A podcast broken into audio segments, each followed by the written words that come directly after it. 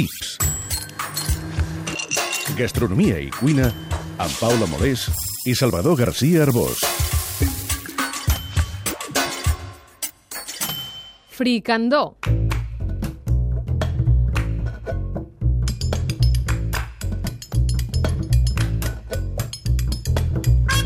El fricandó és un dels guisats tradicionals de la cuina catalana. Parlem d'una vedella amb bolets, fineta, acurada i pautada. Vols dir com la paella, amb una partitura, la llata de vedella, el sofregit de ceba, tomata i pastanaga, les herbetes, els bolets i la picada. Amb una mica menys de cotilla. Podem discutir si cal córrer la llata fina, enfarinada i fregida o fer-la sencera i tallar-la a l'hora de servir. I tot i que he vist tota classe de bolets al fricandó, es recomanen els moixernons. Recordo la meva mare que sempre tenia a punt bolets secs. Posem-hi moixernons. Calocibe gambosa. O cama secs. Marasmius oreades. Només pel fricandó.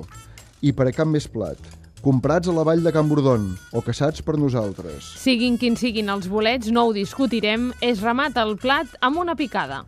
Amb totes les de la llei. Avellanes, ametlles, un gra d'all, una mica de xocolata i carquinyoli.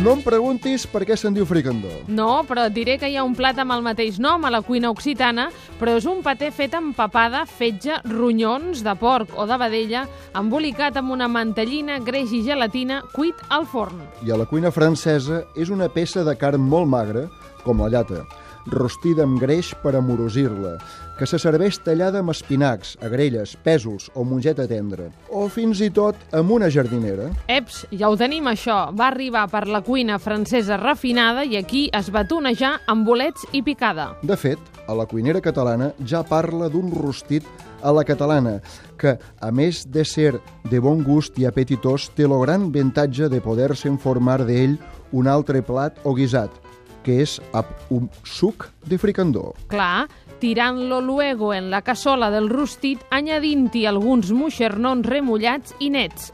Aquí comença tot, també permet tòfones, i en som d'efecte un grapat de tàperes, una xicreta de vi blanc, una fulla de llorer i dos o tres capets d'orenga. Ja sento la flaire.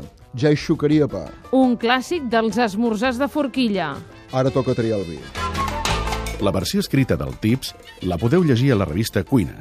I si no us en voleu perdre cap, també us podeu subscriure al podcast del programa.